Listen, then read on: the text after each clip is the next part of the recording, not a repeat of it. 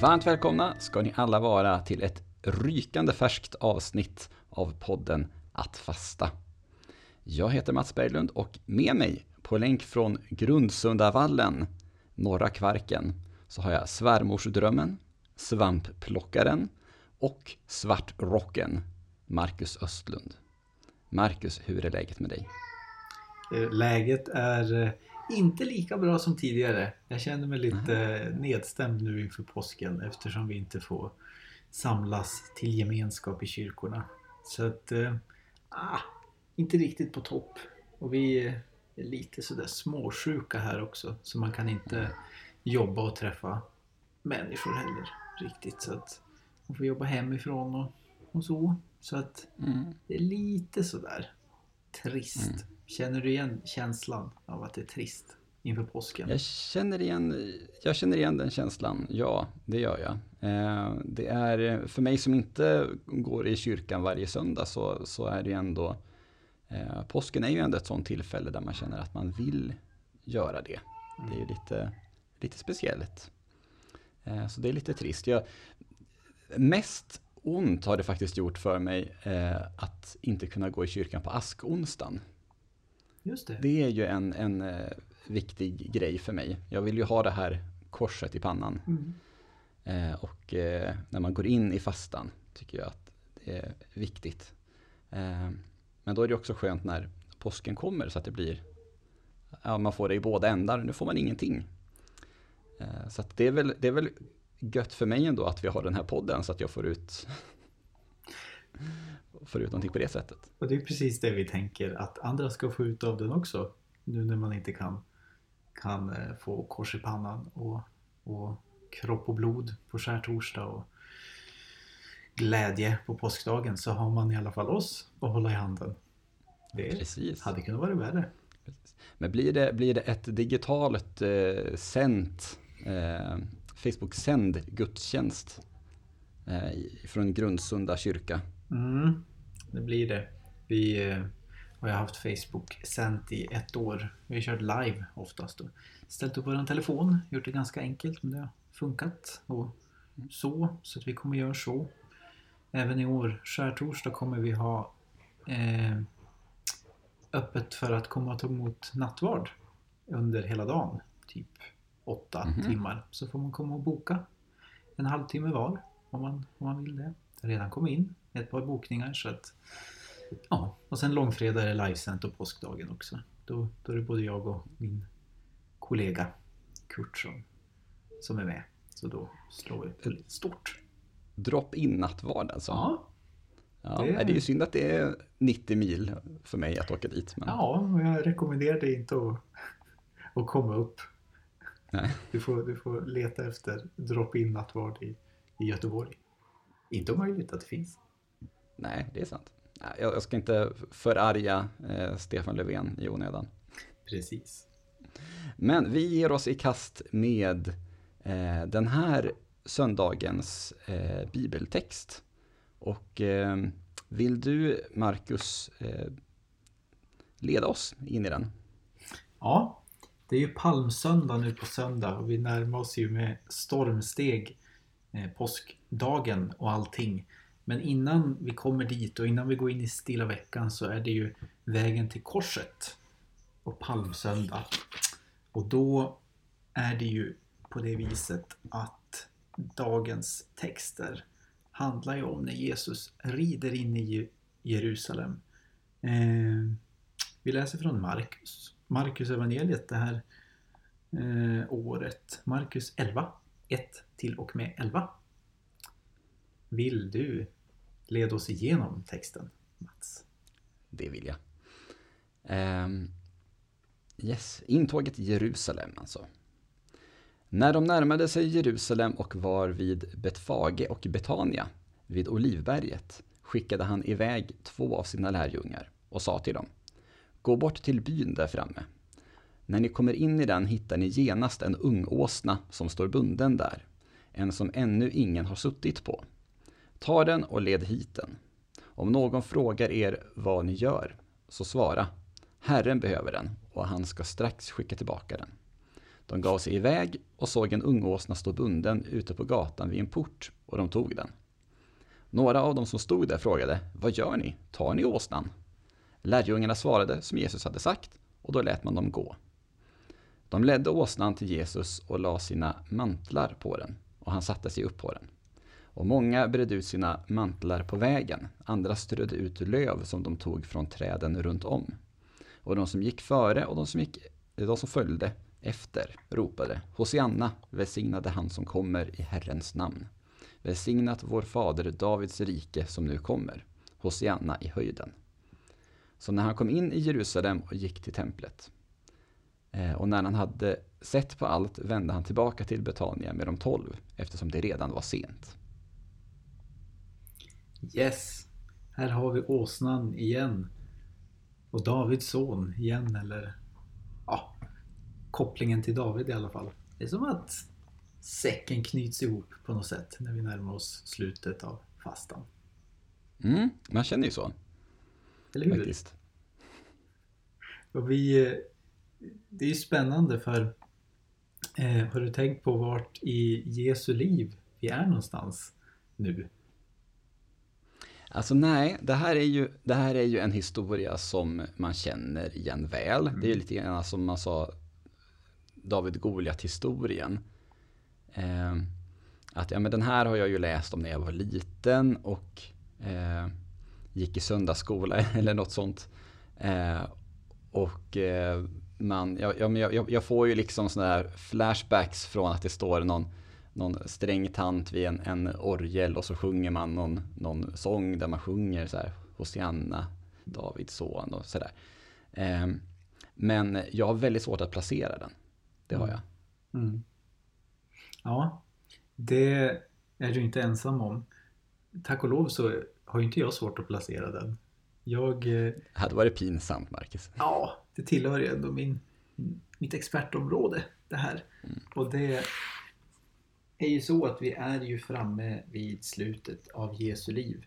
Eh, om fem dagar så ska han ju bli dödad, uppspikad på ett kors. Och ja, om en vecka så ska han återuppstå från döden. Så att slutet av människan Jesu liv, men på något sätt början på alla andras liv när uppståndelsen kommer och bryter dödens makt över oss.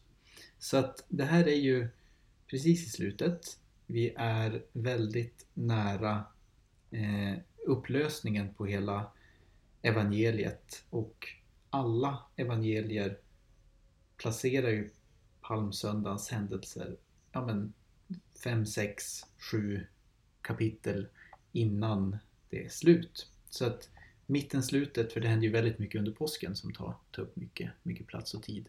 Men eh, tidsmässigt så, så är det på väg att rinna ut nu.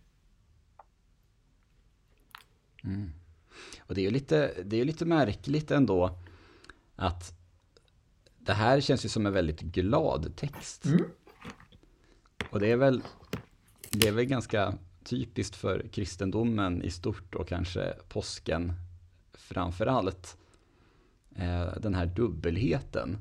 Eh, att det är ju jättehemskt att våran liksom frälsare, viktigaste personen, eh, hjälten om man så vill i, i våran religion, han liksom blir, blir torterad och uppspikad på ett kors där han dör. Och ja, men som långfredagen är ju väldigt dyster. Eh, och det är hemskt. Men både före och efter så är det liksom väldigt glatt och, och fest. Eh, och så. Eh, och jag tror att det är kanske därför jag har haft ganska svårt att, att placera den här texten. För att det känns som att det är så långt ifrån vad som alldeles strax kommer att hända. Mm.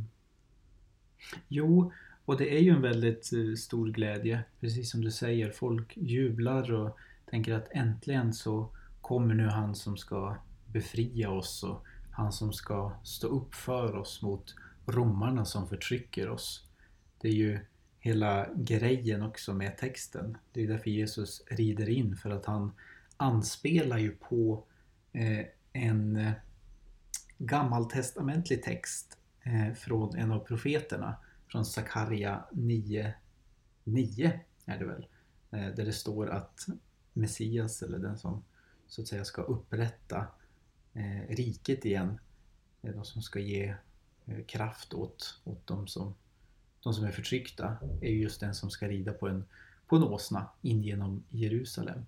Så han gör ju det här fullt medvetet. Han gör ju det för att markera att ja, nu kommer jag som är utvald.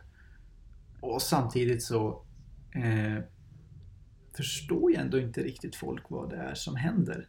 Alltså de har ju inte hela bilden. De har inte den bild som Jesus har. Varken lärjungarna eller folket som står runt omkring honom vet ju att det här är början på vägen till korset. De tänker ju att det är början på befrielsen men precis som du säger så de föreställer sig ju inte att han ska, ska bli dödad innan han befriar dem. För det ingår mm. ju inte i planen så att säga. Nej, precis. Så han, han vill liksom markera ändå att eh, med de här referenserna till, eh, till gammaltestamentliga texter eh, som folk ju hade bra koll på redan då. Att eh, så här, jo men jag, jag är han, jag är Messias. Och det, det är ju ganska, det är en ganska intressant grej det här med hur man förhåller sig till Gamla Testamentet. För det, det är ju en, en, debatt som finns idag också, eller kanske inte så himla levande debatt, men eh, jag har i alla fall hört flera som har funderat lite grann på det. Eh, att Nya Testamentet bör just stå över Gamla Testamentet, tycker man. Därför att det är ju det, det, är ju det som Jesus, det handlar om Jesus, det är, man, får, man får höra eller läsa vad Jesus säger. Eh, det är ju det som vår religion är byggd på. Och Gamla Testamentet känns, ja men det är ju gammalt. Varför, varför ska vi, å andra sidan så, så använder sig Jesus själv av det. Eh, hur ser du på det? Ja, relationen mellan Gamla och Nya Testamentet är ju alltid spännande att gräva i.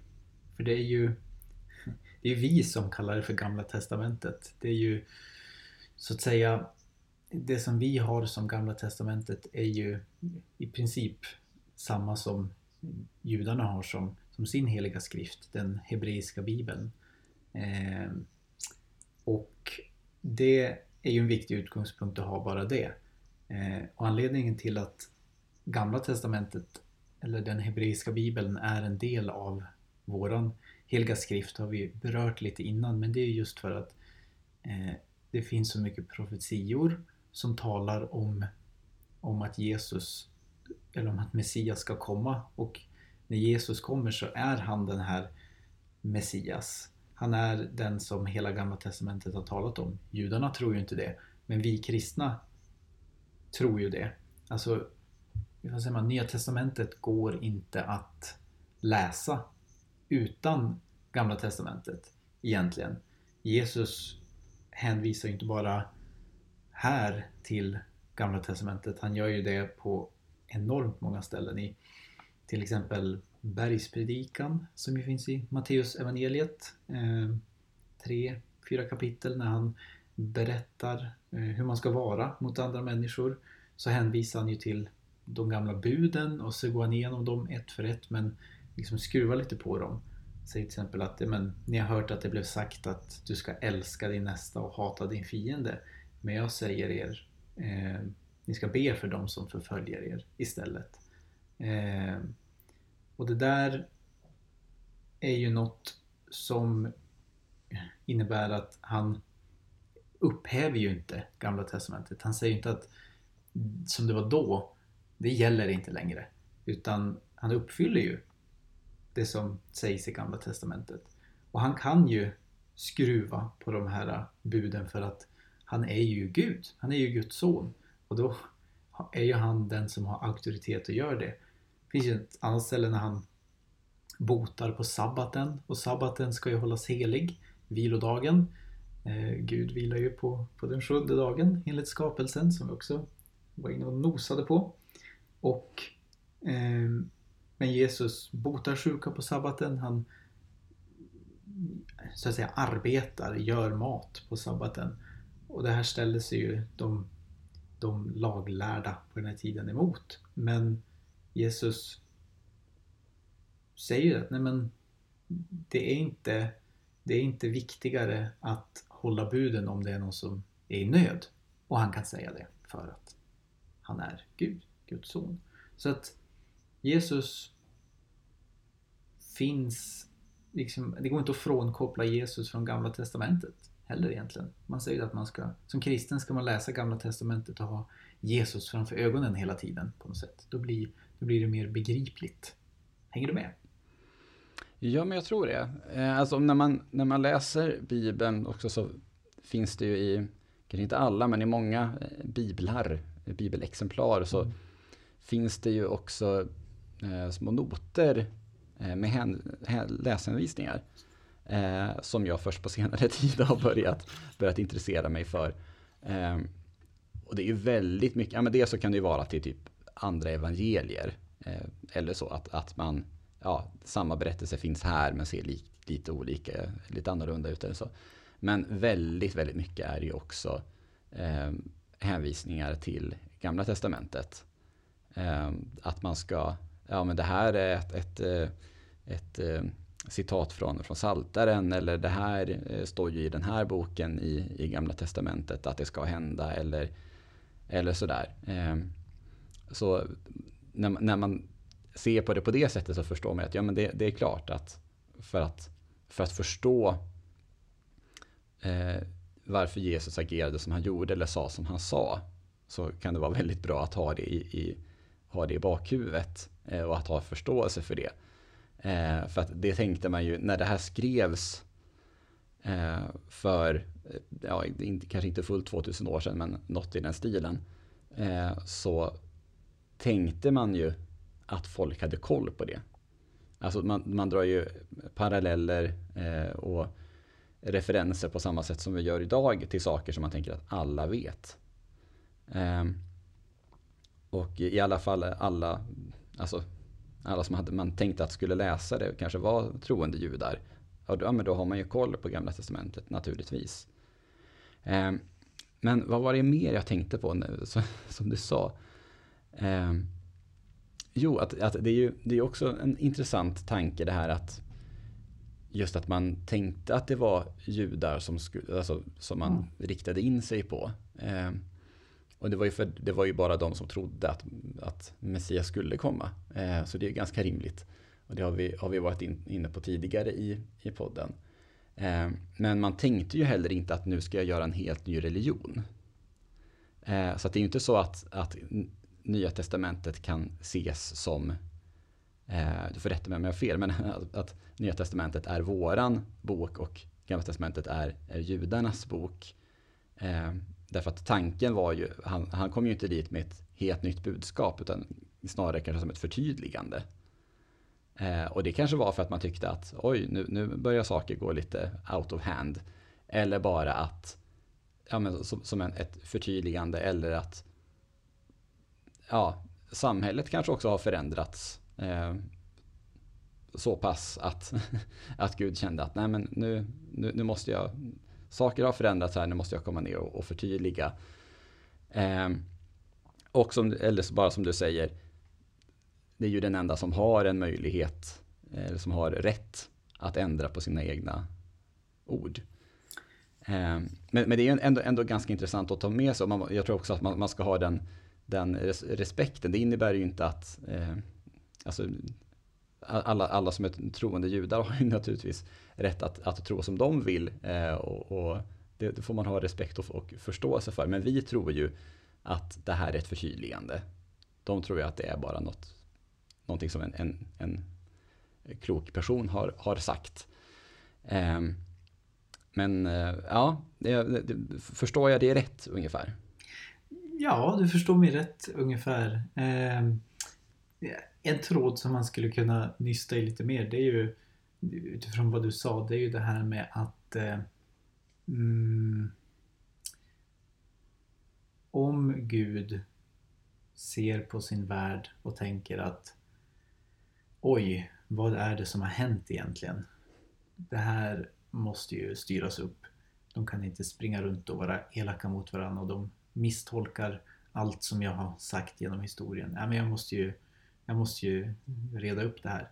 Då skulle det vara praktiskt om Gud i så fall ja, men bara satt en stor megafon som hördes runt hela jorden samtidigt och så sa Gud att mm, nu ordnar vi upp det här. Jag förstår att ni har tänkt som ni har gjort men ni har fel och så här ska det gå till istället. Eh, men så gör ju inte Gud utan Gud väljer att gå den långa vägen. Gud blir människa som vi var inne på i förra avsnittet. Eh, han, eh, eller Gud, eh, blir en del av Maria. Alltså blir ett embryo och växer och lever av hennes blod och den föda som hon äter. Och, och så föds Jesus och så växer Jesus upp och så lever han i ja, 30 år innan han började, började undervisa. Och sen träffade han några och han pratade lite och eh, han är liksom i ett begränsat geografiskt område och det går från mun till mun och allting. Och sen så Sen så är det så att säga klart. Sen är det färdigt. Sen får de som är kvar ta hand om det här och sprida det. Och så får vi se ungefär hur lång tid det tar. Alltså våra tidsperspektiv det är ju våra liv maximalt. Det är nog länge för oss att tänka att ja, men de 80 eller 70 eller 60 år som vi, som vi lever på jorden. Det, det är så långt vi kan tänka på något sätt. Men eh, Guds perspektiv är ju evigt. Och evigheten är ju lång. Den är ju längre än, än 60 år. Den är ju längre än en miljard år och allt vad, det, vad man kan tänka sig. Eh, så utifrån Guds perspektiv så, så är det ju svårt att tänka sig också att ja, men nu, nu ska jag fixa det här utan det enda sätt vi människor har att förklara allt som sker i den här världen det är ju på något sätt med att försöka sätta det i en tidslinje. Gud skapar, det går illa, Gud fixar det. Men det är inte säkert att Gud tänker så. Jag antar att Gud inte tänker så, utan Gud har ett helt annat perspektiv. Eh, och det är ju därför det, det sker på det här sättet, tänker vi också. För att det skulle inte kunna gå att göra på något annat sätt. Det spelar ingen roll om, om vi skulle få allt på ett bräde, så här ska ni göra i varje given situation. För att vi skulle väl antagligen inte följa det ändå. För att vi är ju fria varelser som springer runt och gör lite vad vi vill. Eh, så precis, exakt så. Så, så tänker jag om det. Vad, Men, mm. jag, jag, jag, tänker lite så här också att, att eh, det, det, är ju, det är ju heller inte säkert att, att Jesus bara kom till, till jorden just för att vilja styra upp eller, eller komma med fler budskap eller förtydliga de gamla. Jag tänker också att då hade det också varit lätt att att man, ja men alternativ ett är ju liksom att, att sätta, sätta ner Jesus 30 år gammal att gå ut direkt och, och predika och eh, gå runt och prata med människor och, och eh, göra mirakel. Eh, men då hade ju heller inte... Jag, jag, vill, jag vill tro, och jag kanske är helt ute och cyklar, men jag vill tro att det också fanns en annan anledning till att, att eh, göra det. Eh, och det är att Gud genom Jesus också får en annan bild av, av att vara människa. Mm. Alltså att det är, det är, det är också någonting väldigt, väldigt fint i att ta emot ett budskap från en person som faktiskt vet vad det innebär att vara människa. Mm. Eh, och Det är ju det här dubbla att Jesus både är Gud och människa. Mm. Eh, som, som ju blir en väldigt bra kombination. Eh, och som, eh, som föds och växer upp eh, i en vanlig familj. Eh, och kan uttala sig både som Gud och människa. Mm. Eh, Ja, men visst. Det, så, så det, det, hade ju liksom varit, varit, varit alternativ ett, att sätta ner Jesus 30 år gammal. Men nu budskapet blir ju på något sätt också mer trovärdigt genom det. Och, eh, och jag, jag, tror att, jag vill tro i alla fall att, att det finns, att det går åt båda håll. Eh, sen alternativ två, om man bara vill föra ut ett, ett budskap, är ju som du säger att, att eh, ja, men det är ju bara så här ska ni göra. Så, som du sa en, en, en gång. Mm. Eh, att eh, ja, men, sätta upp gigantiska högtalare överallt och bara säga gör så här nu. Det är jag som är Gud. Eh, men det hade varit otroligt svårt att argumentera emot.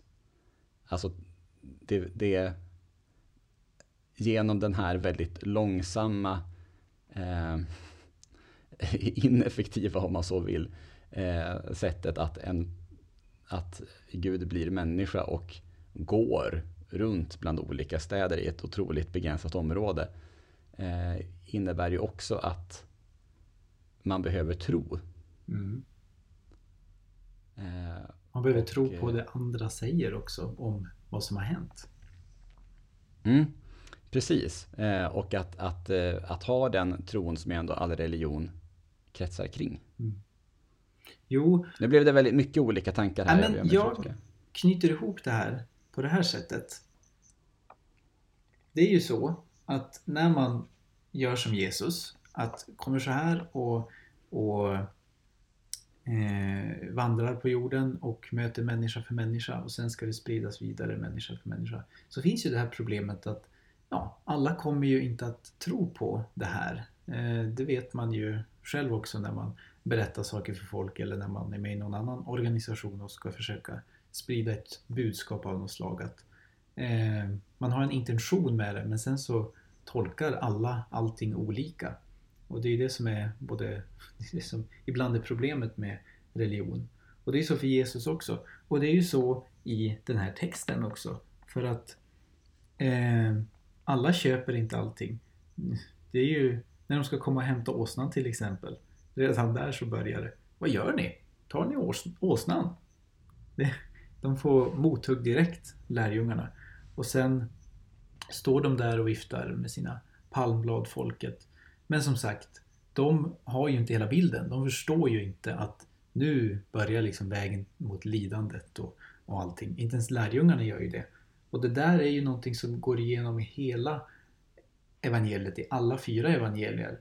Att Jesus kommer eh, och han undervisar och han berättar vem han är, han berättar vad som ska hända. Han säger bara några verser innan den här texten att, ja, men, till lärjungarna, jag ska dö och uppstå. Men de förstår inte. Maria, hon vet att Jesus är Guds son, men hon förstår ändå inte. Hon kommer ju, ska hämta hem honom för att hon tror att han har blivit galen. Eh, och det är väldigt många som lämnar den här rörelsen så att säga. Så att eh, det här är ju på något sätt genomgående i hela evangeliet. Och det, det, är som att, det är som att man vill ju så hemskt gärna veta. Eller hur? Man vill ju så hemskt gärna ha bekräftat att men, om jag följer dig, då gör jag rätt. Eller om jag lyssnar på det du säger, att jag ska inte hata de som hatar mig. Ja men då kommer jag väl att att få komma in i paradiset eller då kommer jag väl att få, få liksom vara vid din sida. Eller hur? Det, det är på något sätt det som är grundfrågan för oss människor. Kan jag lita på att det här verkligen är sant? Att det här verkligen är sanningen med stort S? Och det säger jag att det är. Men jag har ju inga andra belägg än, än eh, min egen upplevelse och att jag eh, vill att andra ska tro det också. Eh, förstår du? Mm. Den liksom kopplingen. Ja men absolut. Absolut. Och jag, jag, jag tänker det att,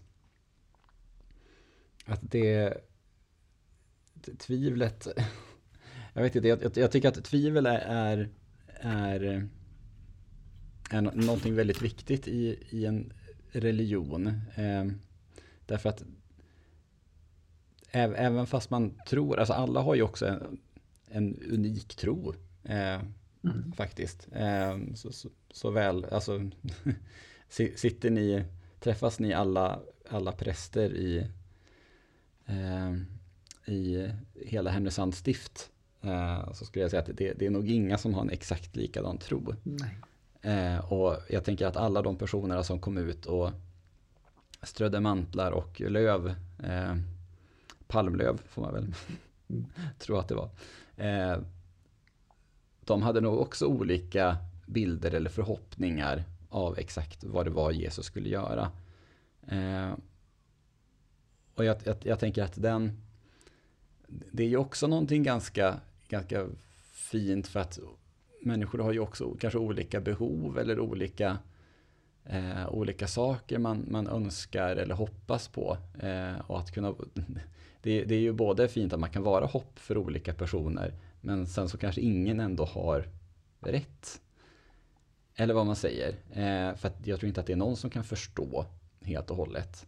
Eh, men jag, jag, det, det jag ändå vill...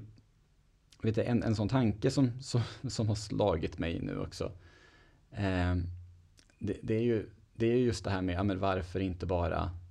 Alltså varför inte bara göra Jesus till, till den perfekta liksom megafonen för mm. någonting.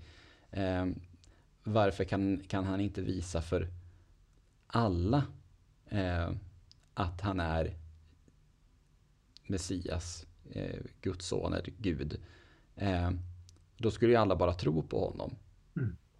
Eh, men och där, där tycker jag att, att, din, att du, du la fram det ganska bra på det sättet att ja, men, att folk folk vill, vill ha någon liksom sån här, eh, vad var det du sa? Eh, vet, vet att man gör rätt. Mm. Man vill ha säkerhet på att jag följer rätt person. Man vill ha bekräftelse på det. Eh, på att jag kommer att få komma in i paradiset. Mm.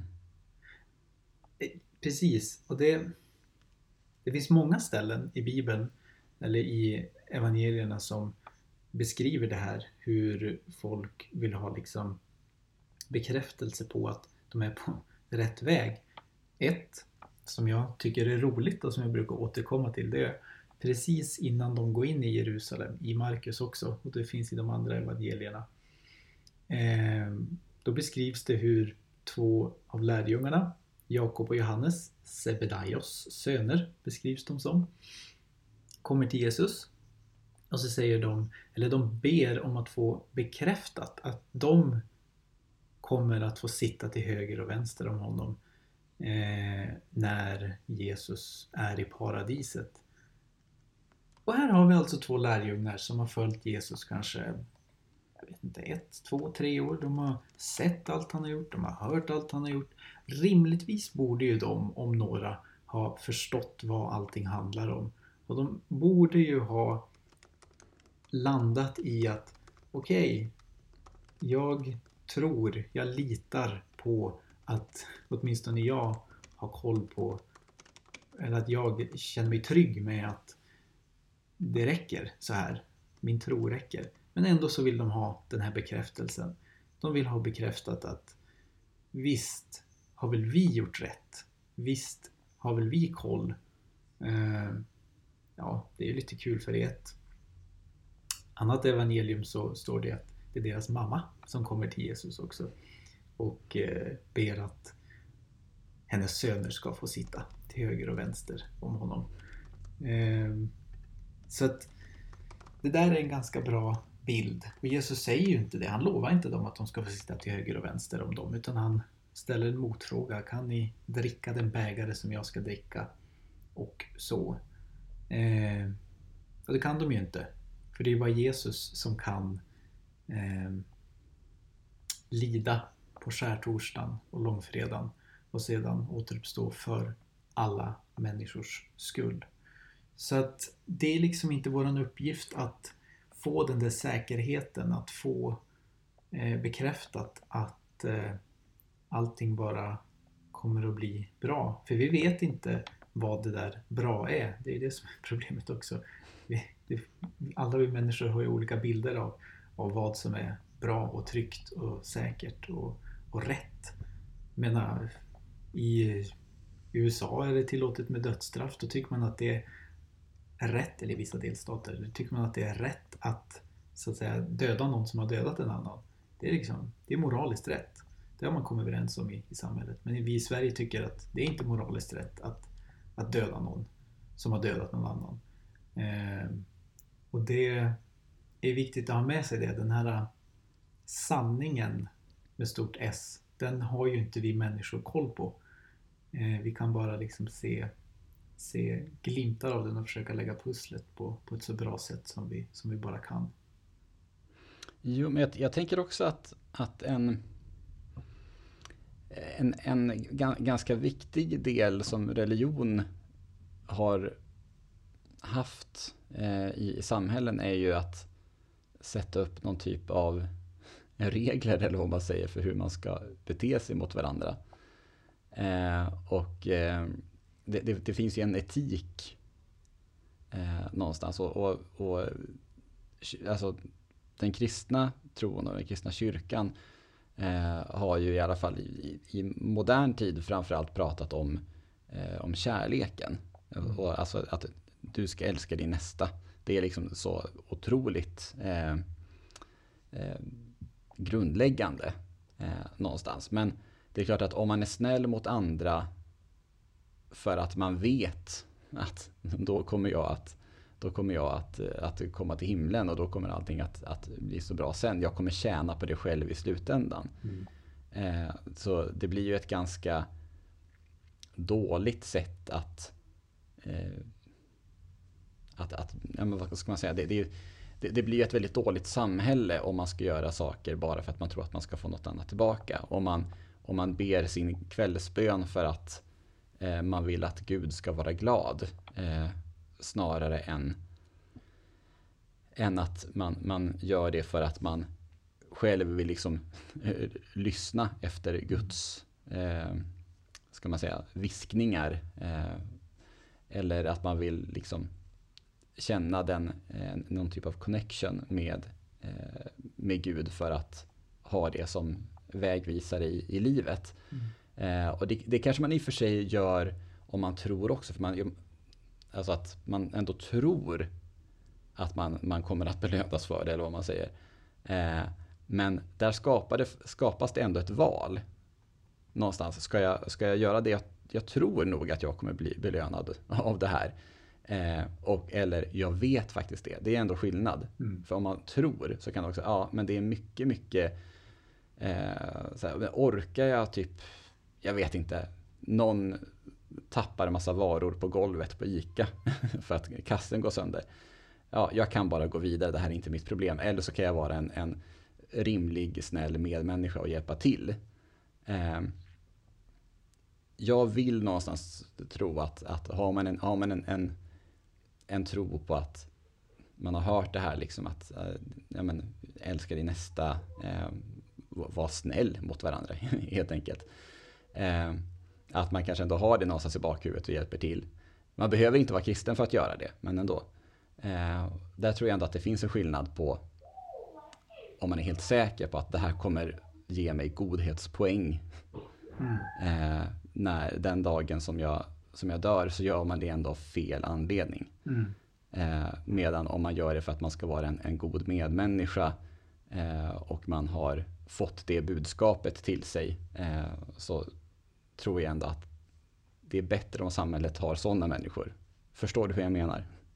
Ja, jag tror det. Eh, och det här med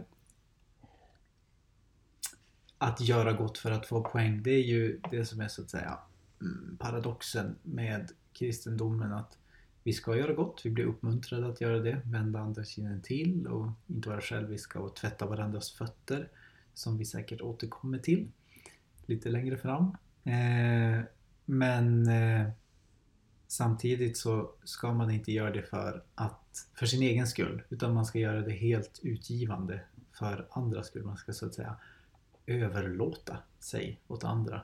Man ska man ska inte tänka på sig själv hela tiden.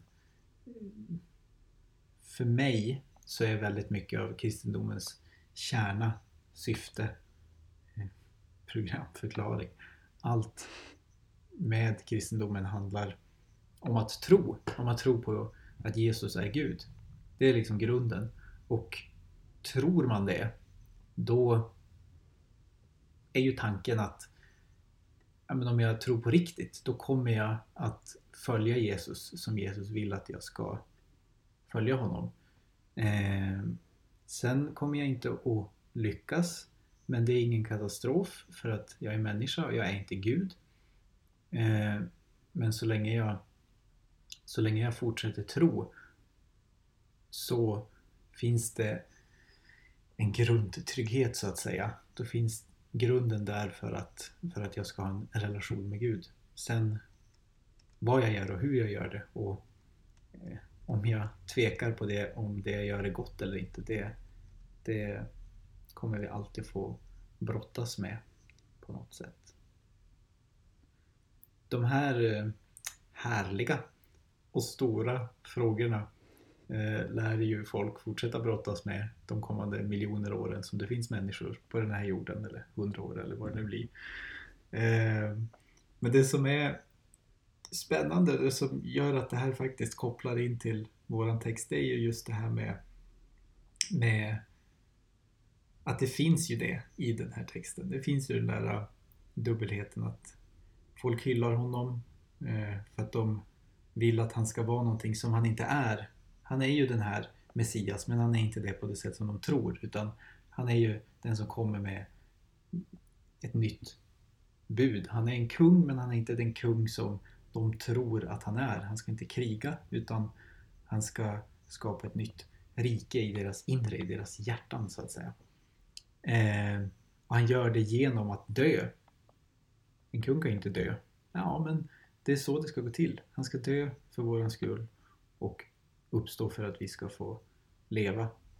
En kul episod som kommer direkt efter den här eh, texten. Det är ju eh, när det står så här. Att Jesus efter att han har varit i templet eller efter att han har varit i Jerusalem så går han till templet. Sen går han tillbaka till Betania med de tolv. Eftersom det redan var sent. Eh, då måste man gå hem och mm. vila. Och sen, Exemplarisk gosse. Ja, mycket. Och eh, sen står det att näst, när de gick från Betania nästa dag blev han hungrig.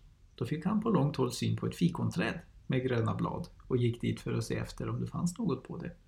Men när han kom fram hittade han ingenting annat än blad. Det var inte rätta tiden för fikon. Då sa han till trädet Aldrig någonsin ska någon äta frukt från dig. Och lärjungarna hörde det. Mm.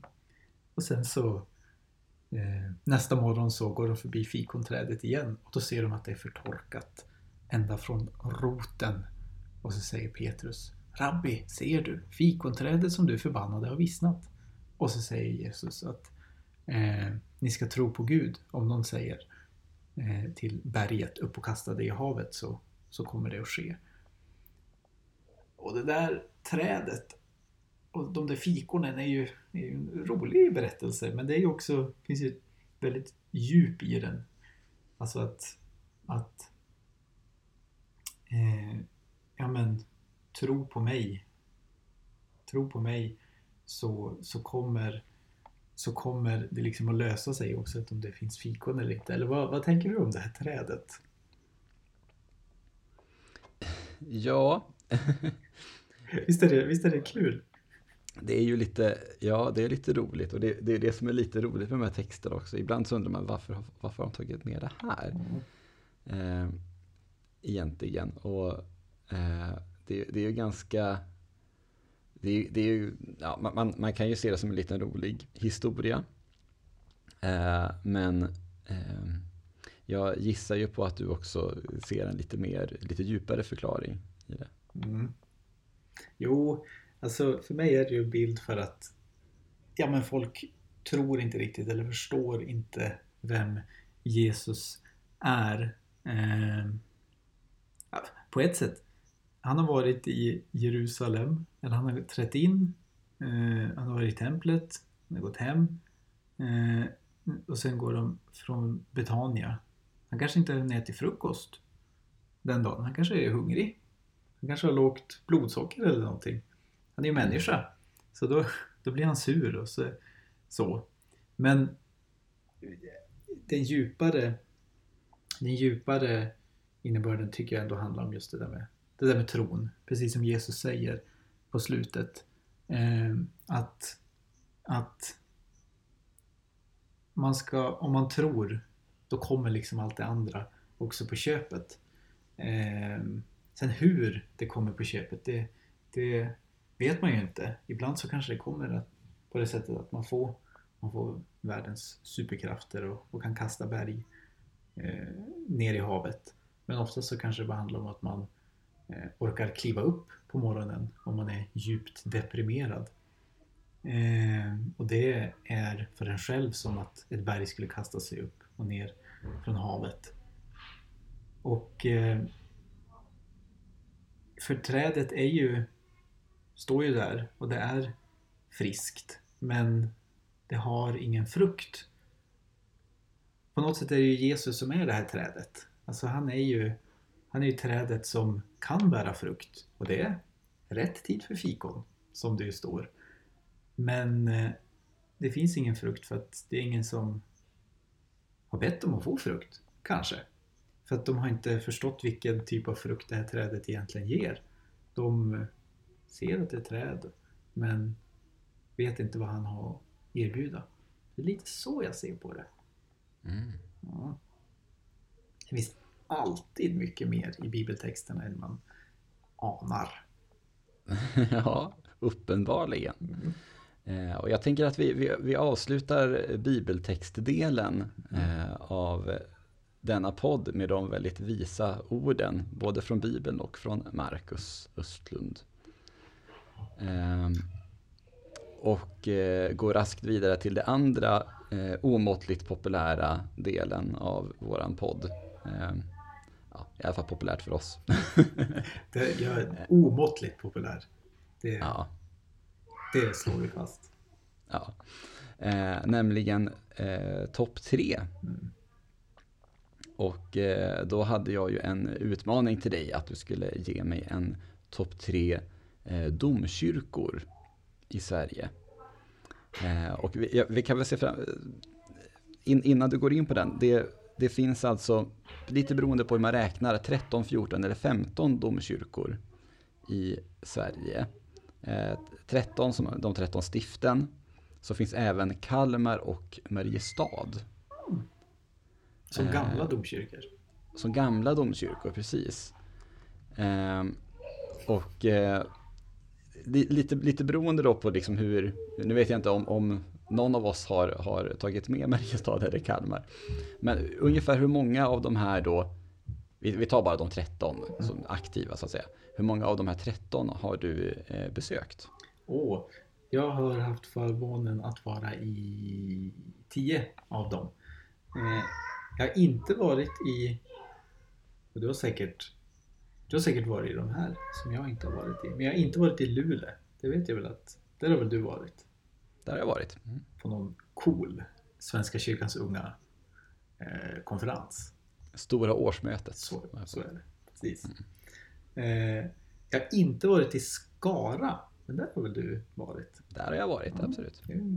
Och så har jag inte varit i Karlstad. Jag har varit utanför Karlstad, men jag har inte varit i den. Alltid något.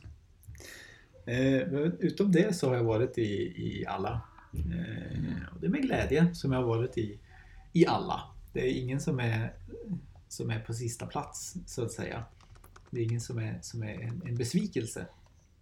Så oavsett vart du bor så har du en domkyrka att, att vurma för och, och ta hand om och vara tacksam för. Eh, min topp tre baserar sig inte så mycket på känslor eller emotionella band egentligen utan i så fall hade jag nog valt en som en klar och tydlig etta. Men så kommer det inte att bli och jag har inte baserat det på eh, funktionalitet egentligen heller. Utan de kriterier som jag har satt upp för att de ska hamna på min topp tre är pampighet och hur väl de funkar som som gudstjänstlokal i det här pampiga. Jag gillar att det är pampigt. Är det en domkyrka ska det, ska det vara lite ordning och reda. Det ska märkas. Det ska märkas. Och också för att mm, jag menar, domkyrkorna är ju vårt kulturarv på något sätt. Det, det vittnar inte bara om kristendomen utan det vittnar om vad vi har varit för typ av land och de är ju på något sätt museer allihopa och det ska de få vara. För att det är precis vad det är. En blandning av museer, gudstjänstlokal och kulturarv på något sätt. Så min topp tre lyder som följer. På tredje plats Västerås. Har du varit där?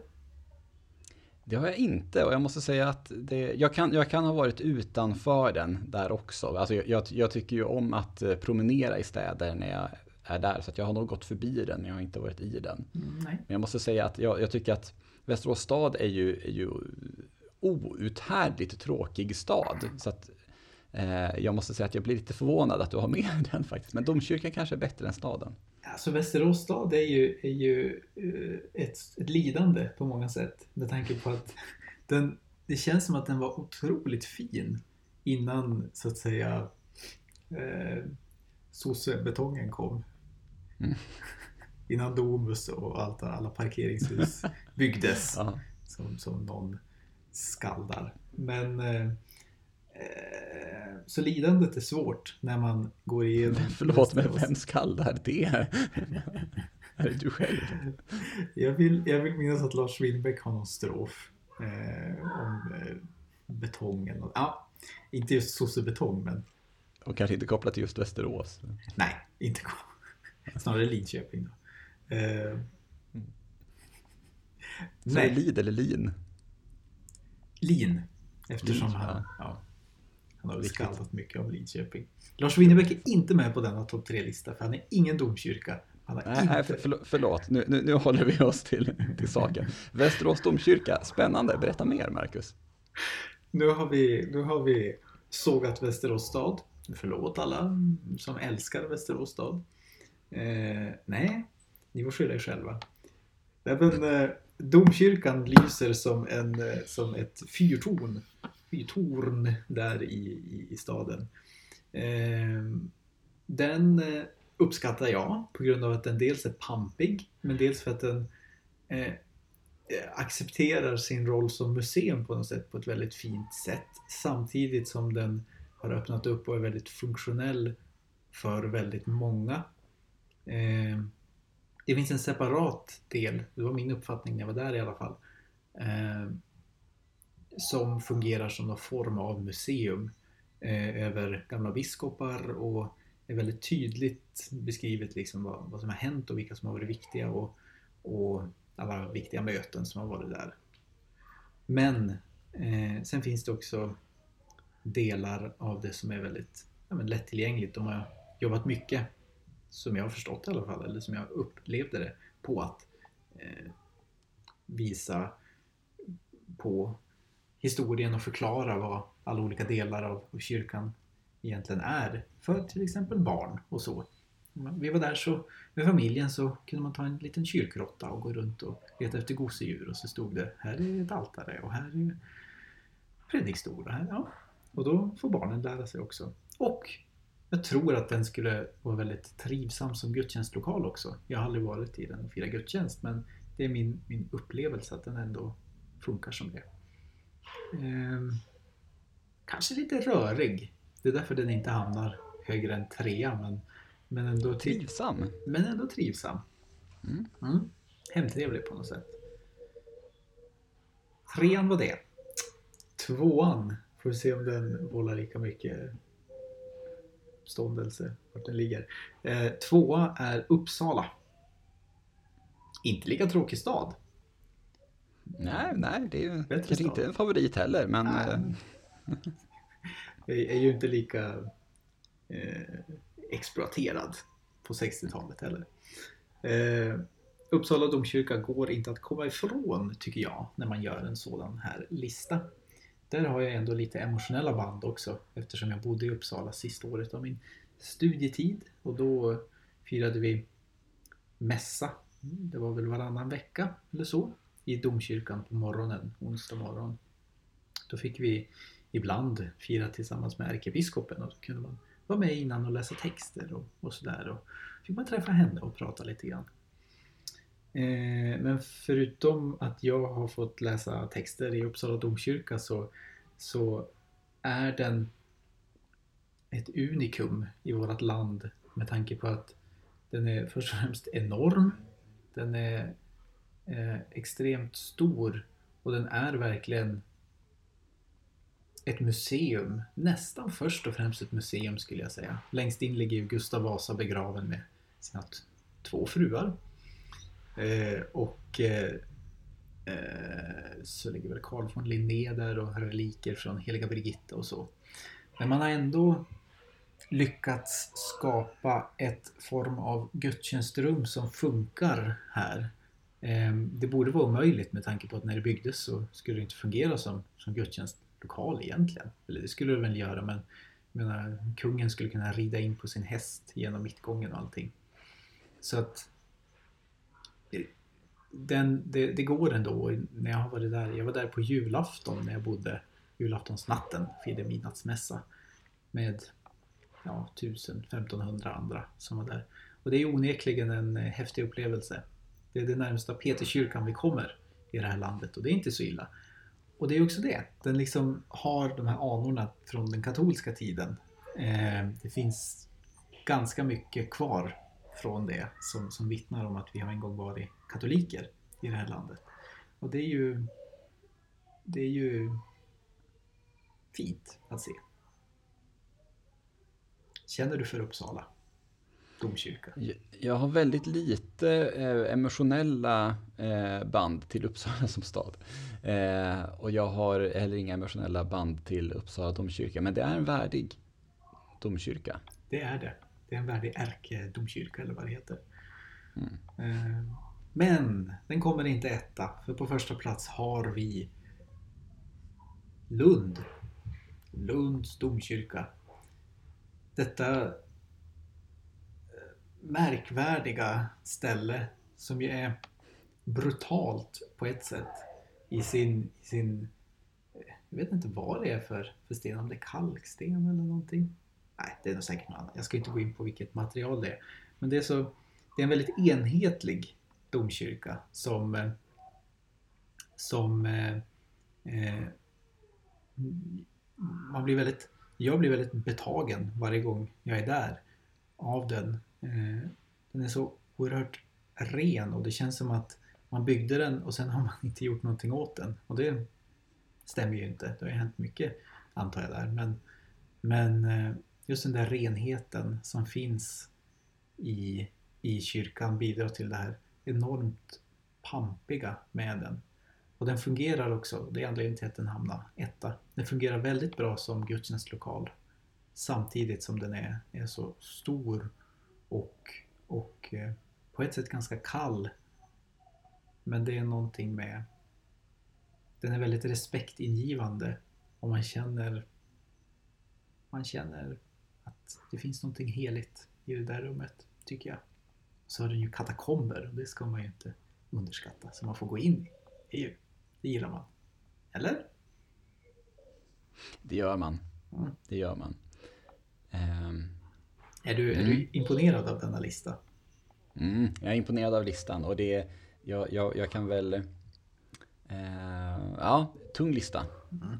Mm. Det får jag säga. Jag är intresserad av vad, vad du har att komma med. Ja, nej men jag, jag, um, jag kan väl säga, jag har varit i åtta, tror jag, av de här 13 och varit utanför i alla fall eh, tio av dem. Eh, någonstans där omkring. Jag, jag gick in lite snabbt och, och kollade, kollade igenom eh, listan. Någonstans där omkring i alla fall. Och eh, för mig är ju mäktigheten viktig. Mm. Eh, och med mäktighet så behöver inte det vara eh, Alltså att det ska vara guld och liksom flärd eller så. Mm. Eh, utan det, det, är snarare att när jag kommer in i kyrkan och när jag ser kyrkan så vill jag liksom känna, jag vill känna mig, jag vill känna mig liten men viktig på något sätt. Mm. Eh, jag har ju pratat om förut att jag tycker att mässan är väldigt viktig för att det blir lite man får känna sig som en del av någonting stort och bra. Eh, och det är lite, lite så jag vill känna mig i en kyrka också. Mm. Eh, och eh, där, där, jag, jag, vill, jag vill faktiskt börja med en bubblare, eller två bubblare Varsågod. till och med, eh, till topp tre-listan. Eh, och det är eh, Odense mm. domkyrka. Den är ju dansk, mm. så det, det, det, är därför, det, det, är därför den inte riktigt platsar. Eh, men den, den, är väldigt, den är väldigt eh, fin. Den är ju väldigt dansk också. Eh, i, i, i te, ja, men den, den är byggd i tegel. Mm.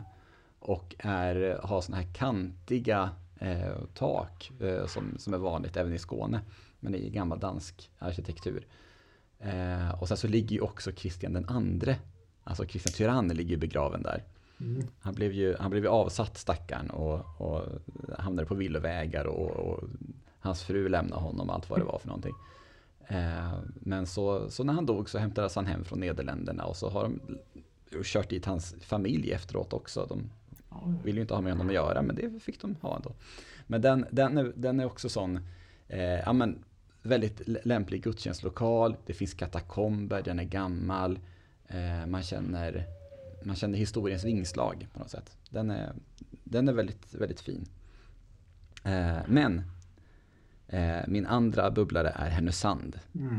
Jag tror att det var den du syftade på förut också. Emotionella band, ja. Mycket emotionella band. många viktiga viktiga gudstjänster och mässor och andra stunder som jag har haft har varit i Härnösands domkyrka. Eh, Till den, exempel den när? när ja, jag, ja. ja, när, du prästvigdes ja. eh, så var jag där. Eh, och det, det var väldigt mäktigt. Eh, och det, det tror jag väl att du också jo, upplevde. Jo, och det var något speciellt i, i rummet onekligen. I mm. den stunden. Och, eh, nej, men då det är väl någonting med det är fördelen med att det är en liten domkyrka, eller förhållandevis liten. Att eh, Vi var väl 350 tror jag som, som fick plats där. Och när det är 350 och det är smockfullt och det, och det är många som kan sjunga psalmerna och så, då, då gör det någonting med stämningen och med känslan av att nu, nu, nu händer det någonting här. Och just vad som händer också. När man blir välsignad och anden nedkallas över ens huvud. Mm. Det, mm. Ja, och även för mig som bara tittade på mm. var det väldigt mäktigt. Och det är ju också någonting med att, att vara på en, att vara i ett sammanhang där jag vet inte, om, om jag går på en körövning till äventyrs eh, och inte kan sångerna så känner jag mig ju dum. Mm. Men eh, när jag satt, det var någon psalm där som jag inte alls kände mig med på. Eh, men så har jag liksom ett rum fullt av präster i princip eh, som, som stämmer i. Och det är så mycket, och jag kände snarare en trygghet i det. Att så här, mm. ja ja, men de sjunger, jag kan bara försöka nynna med lite grann, det, det går bra. Eh, det kommer jag ihåg också var väldigt häftigt. Det var liksom bra tryck och man kunde följa med utan att man behövde ha dåligt samvete för det. Ja, visst. Så, eh, och det, det, är klart att, att det kan också bli väldigt fint om man är i en, i en annan, ännu mindre kyrka och det kommer sju personer eh, så kan det finnas en, en väldigt fin gemenskap eh, för att alla ser varandra och, och, man kan samspela på ett annat sätt. Eh, men eh, det är ju, om man ska vara ärlig, betydligt vanligare än det här fulla rummet. Eh, så det, det är mäktigt med, eh, med det och det är väldigt häftigt när man får uppleva det. Men, min topp tre då. Ja. Tredje plats, Uppsala. Mm. Som du säger, det går inte att komma förbi. Nej. Det är våran, eh, liksom... Vi kommer inte runt Uppsala domkyrka. Precis. För att citera Christer Petersson. Det var precis vad jag tänkte också. Vi kommer inte runt den. Um, det gör man, men det är långt runt den. Mm. Uh, men den, är, den är värdig och den är mäktig. Uh, och uh, man känner att det här är hela Sveriges domkyrka när man går in i den. Mm. Det gör man faktiskt. Mm. Eh, andra plats, Lund. Ja. Samma här. Eh, den, är, den är rå och den är tung. Och den är gammal. Den, den, man känner det liksom. Det, det, här, det här också att känna att ja, men hit, här, det här har folk byggt en gång. Eh, med de här gigantiska stenblocken har man liksom ävlets för att få ihop den här och att den ska bli stor och mäktig. Eh, och här kommer jag, vadå typ 800 år senare eller någonting, jag vet inte hur gammal den är. Eh, och gör precis samma sak som de byggde den för att man skulle göra. Att känna de liksom, historiska vingslagen är eh, mäktigt. Eh, och katakomberna. den, Lund är väldigt lik Odense eh, på, på så sätt. Eh, den, är, den, är, den, är, den är ännu äldre än, än Odense. Men eh, ja, li- lite samma känsla med dem, liksom hur den är byggd inuti. Eh, och eh, som du säger, när man ser den så tänker man oj, det här har ingen renoverat på länge. det har de ens värme och el här inne? Men det, det har de ju. Eh, men de, man, har, man har tagit hand om den varsamt. ja. Inte moderniserat den mer än nödvändigt. Men första plats, en som du inte har varit i, det är Skara. Nej, jag misstänkte det. Mm. Den är ju så här gotisk. Eh, också, den är inte så särskilt stor eh, för att vara en, en domkyrka. Den är inte jätteliten heller, men, men den är fortfarande gans, den är ganska mörk och den är eh, den har liksom också lite sådana här eh, vid sidan om lite olika grejer som man kan gå runt och titta på lite grann och känna de här historiens ving, vingslag.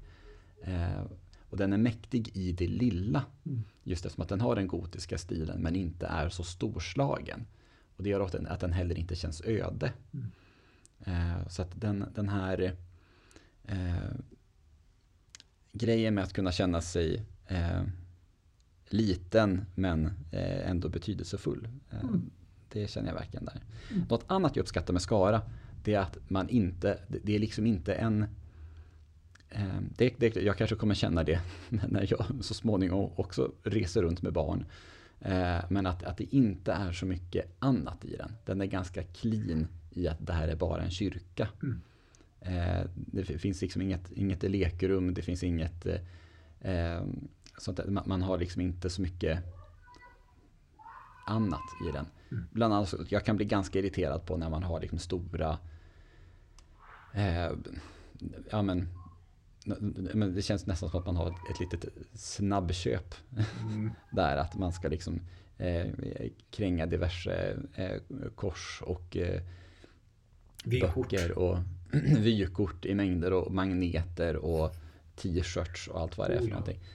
Eh, det, det kan jag tycka, jag, jag, ja, jag, ty, jag tycker ju inte riktigt att det hör hemma där egentligen. Sätt upp en liten kiosk utanför om ni ska göra det. Eh, och det har man, jag, jag ska inte säga att man inte har det i Skara, det var länge sedan jag var där, jag kommer inte ihåg. Men det var inte någonting som man la märke till så mycket. Nej. Så att ska man ha sånt så ska man göra det snyggt. Och det gör de i Skara. Härligt. Mm. Så vill man avsluta en podd. Ja. jag, jag pekar med hela handen. Men precis. ehm, det, var, det var den eh, topp tre. Eh, och tycker man att vi har eh, fel, eh, om det är någon Västerås-född eh, person som känner sig illa behandlad i, i podden och vill ge skäll. Eh, eller om det är någon eh, ifrån Skara som vill ge mig beröm till exempel. Eh, eller om man har en egen topp tre för den delen så får man jättegärna höra av sig till oss. Och det kan man göra på sociala medier exempelvis. Eller så kan man mejla oss. Och vart mejlar man då Marcus? Då mejlar man till att.fastasnabelagmail.com Jajamän. Mm. Det gör man. Mejla oss. Ja, det är kul. Det är inte många som gör det, så det får ni gärna göra. Vi blir glada. Ehm, Med denna propå så tror jag att vi, vi kommer att, att ha framgång. ja, precis. Eh, men då, jag är ju lite nyfiken, Marcus. Eh, har du någon kontring? Eh, absolut. Tur att du är nyfiken. Eh, kontringen lyder Topp tre eh, lärjungar. Mm. Topp tre Mm. lärjungar. Eh, Jesus hade ju 12. Så det finns ju en del att välja på. Vilka de här 12 är, är ju eh, i och för sig olika beroende på vilket evangelium man läser. Och vissa är mer framträdande än andra och vissa har bara någon rad där de beskrivs. Och vissa vill ju vidga det här begreppet lärjungar till att innefatta sådana som följde Jesus till exempel. Kvinnorna som följde Jesus, den här stora gruppen som till många delar är anonym men vissa namnges ju av dem också. Så att eh, ja, jag skulle vilja höra din topp tre lärjungar. Mm.